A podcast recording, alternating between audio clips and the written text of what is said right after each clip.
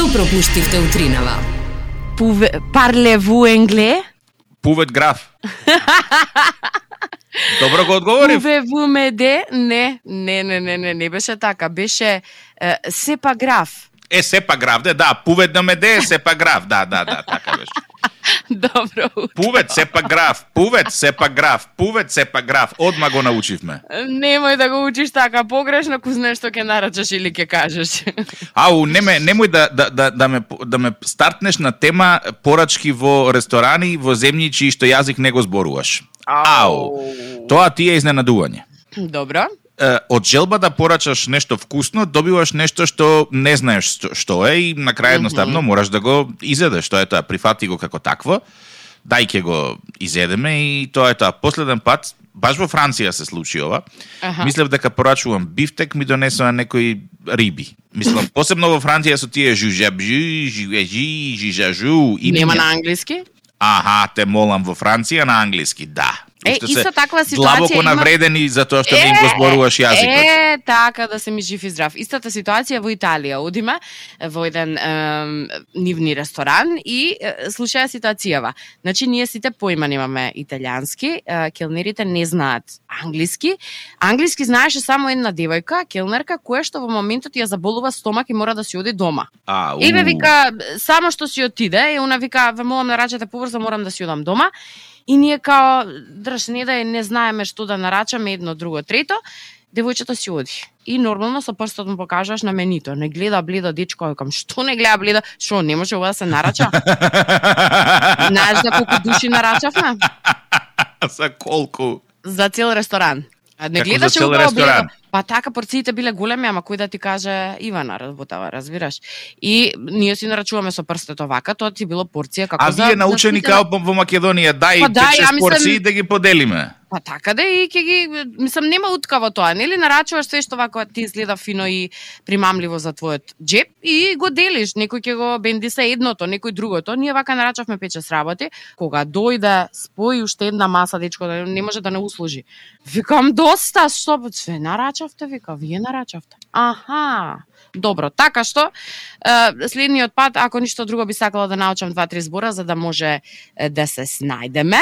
Не знам дали знаеш што значи самарш. Нешто што маршира. Не, тоа е сјајно. Ја би сакала да ни се јави стварно никој да ни каже како се изговараат овие работи да ни се бламираме вака на радио, ама добро во со оглед на тоа што не многу од кај нас знаат француски, може да се правиме слободно важни дека знаеме се, а не знаеме ништо. Е, уи. Oui. Жусе, бусе, мусе, клюсе. Се сампа. Значи Осум. тоа е убаво. О, о, убаво е, да. Ова е Радио 2. Добро утро. Добро утро. Зорке, вчера Ајде. прочитав Мгм. нешто што на прва ми беше за неверување. Као ја читам веста и гледам и се прашувам па дали е ова можно. Потоа земам ја препрочитувам веста уште еднаш и доаѓам до заклучок дека на вистина тоа е можно. Мгм. Што се случува? А, чувари, вработени во чуварска служба во затвори Дризово, даваат мито од 4000 евра на затвореник кој Они не го му даваат, добро? Кој што им ветува дека ќе ги вработи во МВР. Значи, Добро. Значи, да повториме, затворски чувар дава мито на затвореник кој што е на издржување затворска казна затоа што затвореникот ветил дека е, ќе го вработи затворскиот чувар во МВР. Вау. И сега што се случува според СДК, Управата за извршување на санкции извршила вонреден надзор во казнено-поправниот дом по поплаки од две осудени лица кои се пожалиле од двајца командири дека им се заканувале. А кои командири пак пријавиле дека му дале мито на едниот затвореник, а тој ветувањето не го реализирал. Еј, какви затвори има кај нас, човече? Телевиза пресента. Двајцата затвореници тврделе дека од затворските полицајци се подзакани по живот, рекет и уцени. А двете службени лица признале дека платиле мито од 4000 евра за да бидат преместени да работат во МВР, но дека не се заканувале поради неисполнување на ветеното.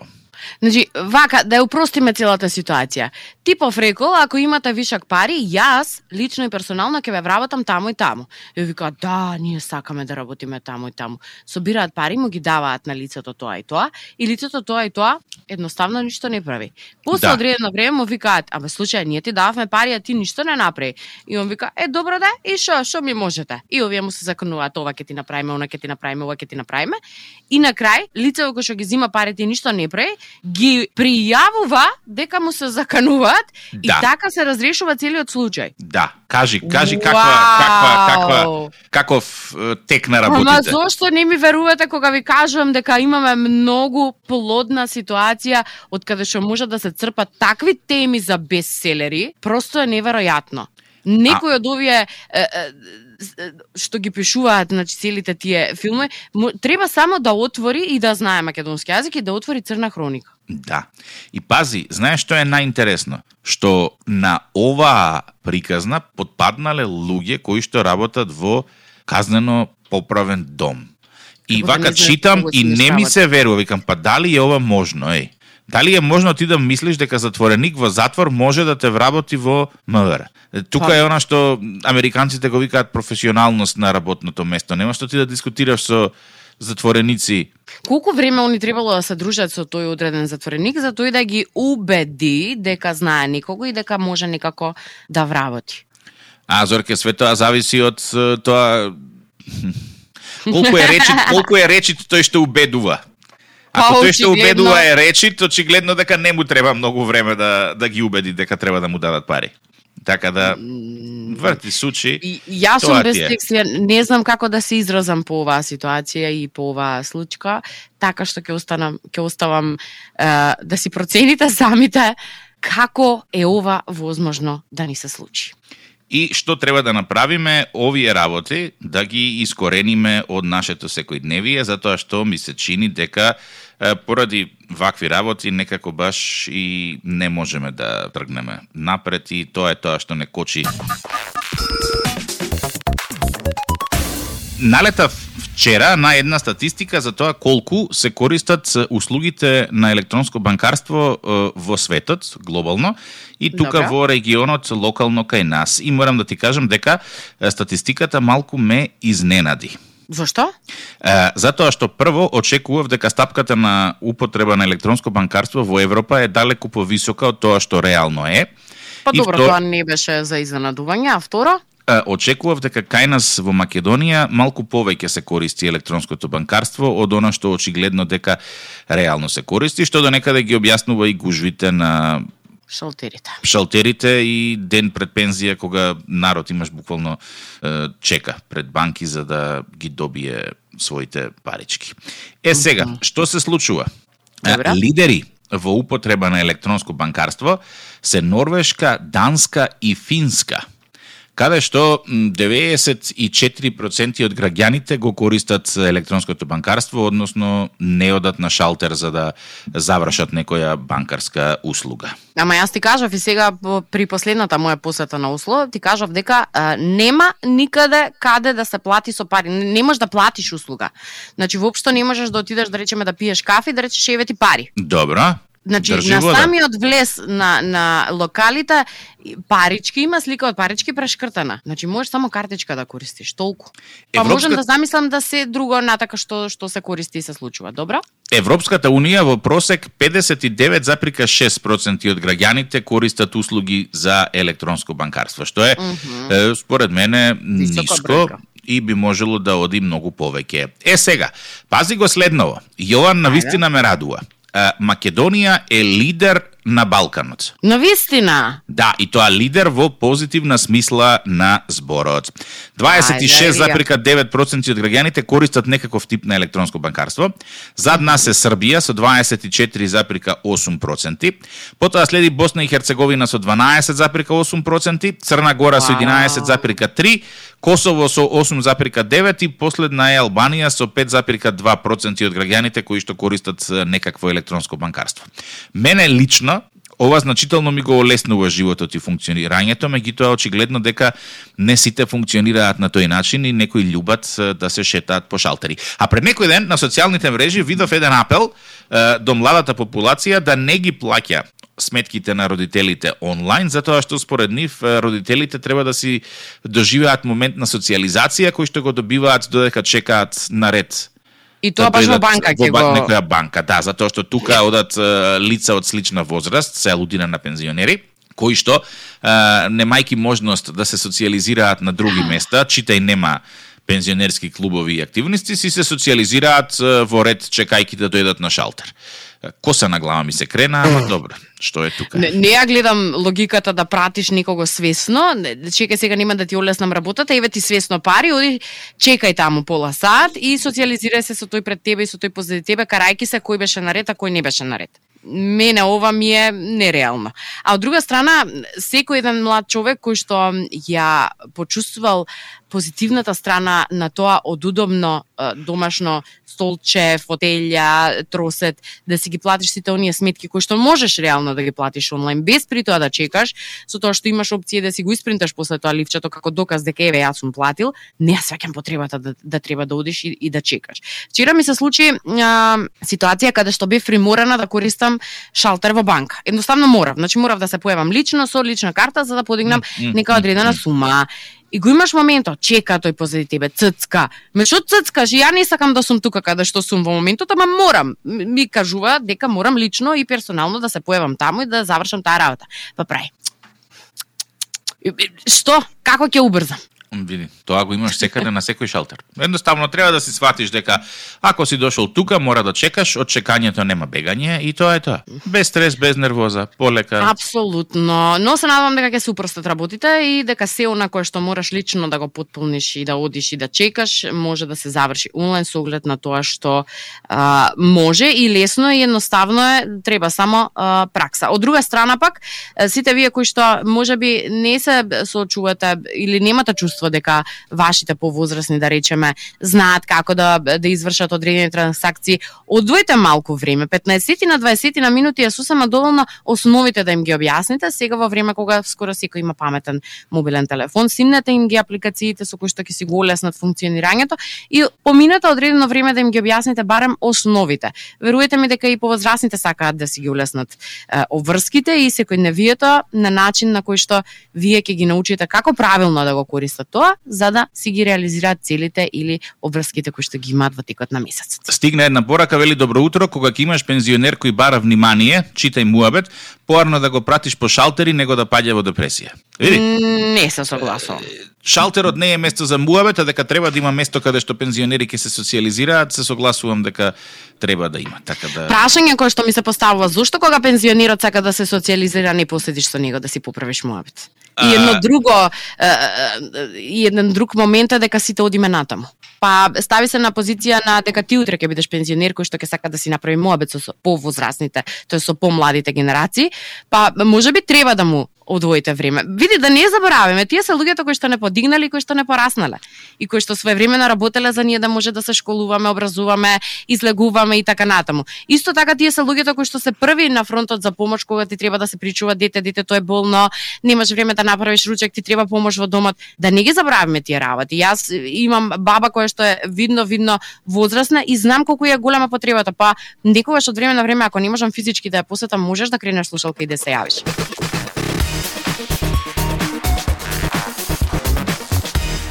Уште една мистерија за која што сакам денес да поразговараме. Еве вака едно прашање. Прво да ти го кажам насловот. Жена примала плата од 16 фирми, а не работела ниту еден ден. Од каде потекнува жената? Па тоа е лесно, од Македонија. Е, гледаш, не. Се уште не е испитано какви А. доперни точки има со Македонија, иако сум сигурна дека нешто има, некоја колено, некој корен, некоја баба, некој прадедо од овде. Далеку За да стигнало ваква- семето Александрово Зорке, Е, далеку. така е. И далеку, далеку, се до Кина. Охо, како Кина, Кина, да, да. нагазна мина. Значи, женава си примала плата од 16 фирми, а не работела ниту еден ден, Конечно, кога е разврзана оваа филмска приказна, како што пренесуваат медиумите во регионот, таа ќе заврши и на суд. На суд ќе се појави незиниот сопруг, а наводно тие двајца воделе внимателна евиденција за сите работодавци и улогите што треба да ги извршува во фирмите и месечната заработувачка. Ако не ти јасно што точно се случило, ќе ти разјасни. Не ми е јасно. Значи, жената постојано во рок од година, година и пол барала нови работодавци, а кога одела на интервју за работа, се фотографирала и им кажувала на другите шефови дека всушност таа во моментот преговара со клиентите. А што и биле работните задачи? Па претпоставувам дека е нешто со работа на терен и изнаоѓање на нови клиенти, според она што можам да го заклучам, веројатно се работи за некои маркетинг фирми кои што ја праќале да преговара, односно да бара нови клиенти. Да речеме сега јас работам во маркетинг фирма број 1 и одам да преговарам со маркетинг фирма број 2. Таму се сликам и му праќам на фирма број 1, еве јас сум со клиент на состанок. Види, Па ова одам кај клиент број 3. Добра. ова никогаш нема да може да функционира во Македонија затоа што секој со секого се знае, посебно маркетинг фирмите. Апсолутно, апсолутно. А во Кина, кај што имаш милиарди, одлична идеја, ми се допаѓа. Ова Па сега на веројатно оној да. индиецот кој што работел како програмер во пет различни фирми и е, проектите кои што фирмите му ги давале да ги работи, ги давал на други индијци кои што работеле за него. И овие сите се чуделе како може да е толку продуктивен типот. И он три години така си туркал, додека коначно него провалиле што прави. Ама зошто па и волкоците и овците на број? Па Во тоа ја случај. викам, тоа е предприемачки дух си А имал во човекот. случајов на, на оваа господја, мене ме интересира тие работодавци дали во еден момент ја провериле што има сработено предходно. Веројатно на почетокот на месецот ти даваат таргет некаков, така? Па да. Пример, требало. треба да се направат денес, односно овој месец треба да се реализираат пет нови клиенти да влезат во фирмата. И сега оваа со месеци ништо не реализирала, плата се зимала тоа некој месечно, да речам, некој месечен надоместок за тоа што е таму пријавена или се води како вработена во одредината фирма, а резултат никаков немала. Ама па што зборам ја овде кај нас се е тоа така. Е, Општо сакам да ти кажам, 16 фирми успеала да најде да ја вработат. Сите тие 16 фирми, макар и минималец да ја давале во текот на месецот, Тоа се 16 минималци. Хи, хи, хи. Види, подобро така честно да заработиш отколку да платиш мито 4000 евра за да ти нададат промоција. те молам, објасни ми. Па сега во 16 мојата фирми. во мојата глава тоа е почесно не да бараш од криминалец да да да да, да, да вработи во во Никој не е МВР. изигран. Да, па добра, да. И, сега би сакала да ги ставам на иста маса сите 16 работодавци и да ги прашам кај ви беше паметот. Ама, една работа тука што ја гледам многу позитивно, односно многу воодушевувачка во овој случај, е што господјата успела да се продаде себе си, да ја вработат дури 16 шефови. Е, тоа ти се вика успешна кариера, Зорки. Успешна жена е. Мислам, се надам дека утренава не давме идеја на никој за вакви измами, ама кај нас тоа многу лесно се проверува со оглед на тоа што да, како што рече ти на почетокот, секој со секого се познава, така што мислам дека за една недела ќе се разврзе клопчето.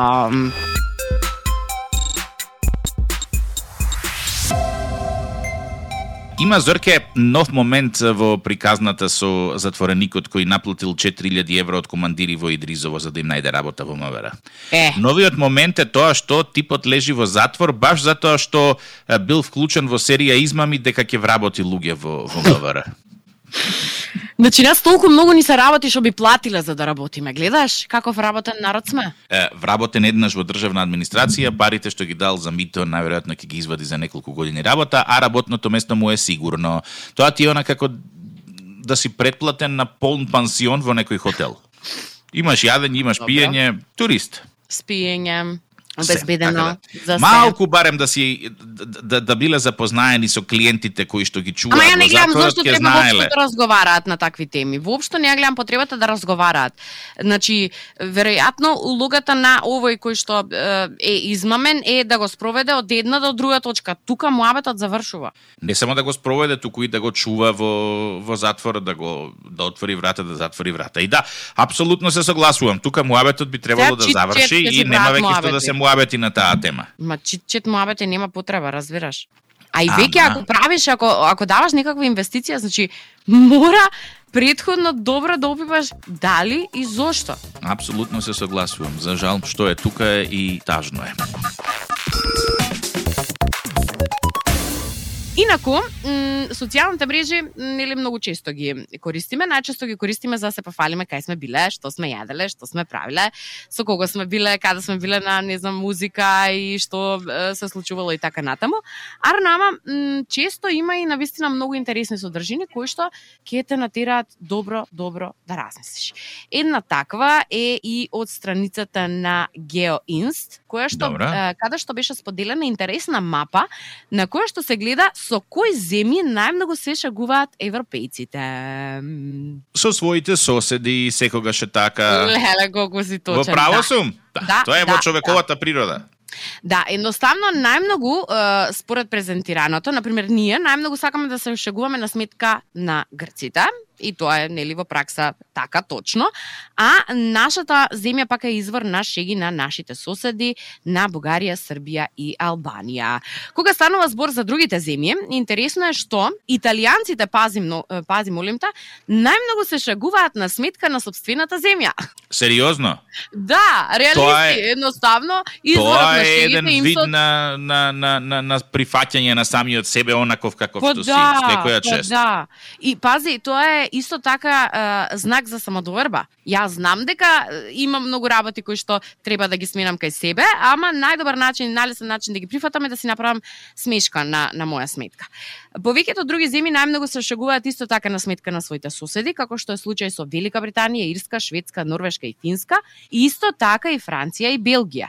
А исто така собствената земја надвор од стариот континент, која што била предмет на шеги, е Аргентина, mm -hmm. а португалците најмногу се шегуваат на нивната сметка. Па те молам од прва рака кажи ни какви се тие смешки за Аргентина? Немам поима. Не сум чул никакви смешки за. Ај баш да прашаш и ќе те чекам во некој од следните изданија да ни раскажеш што е тоа што како смешка го прават португалците на сметка на Аргентина. Не, мене повеќе ме копка зошто Аргентина од сите земји. М, слични се со јазикот? Воопшто. Ова ова изискува малку посериозен research and development зорке кој што ќе мора да го одговорам следниве неколку дена. Мора малку да загребам под површината. Да загребеш, да загребеш.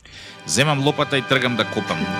На Радио 2, секој работен ден од 7.30. Будење со Тик-так и Зорка. Во случај на неконтролирано смеење и симптоми на позитивно расположение, консултирайте се со вашиот лекар или фармацевт.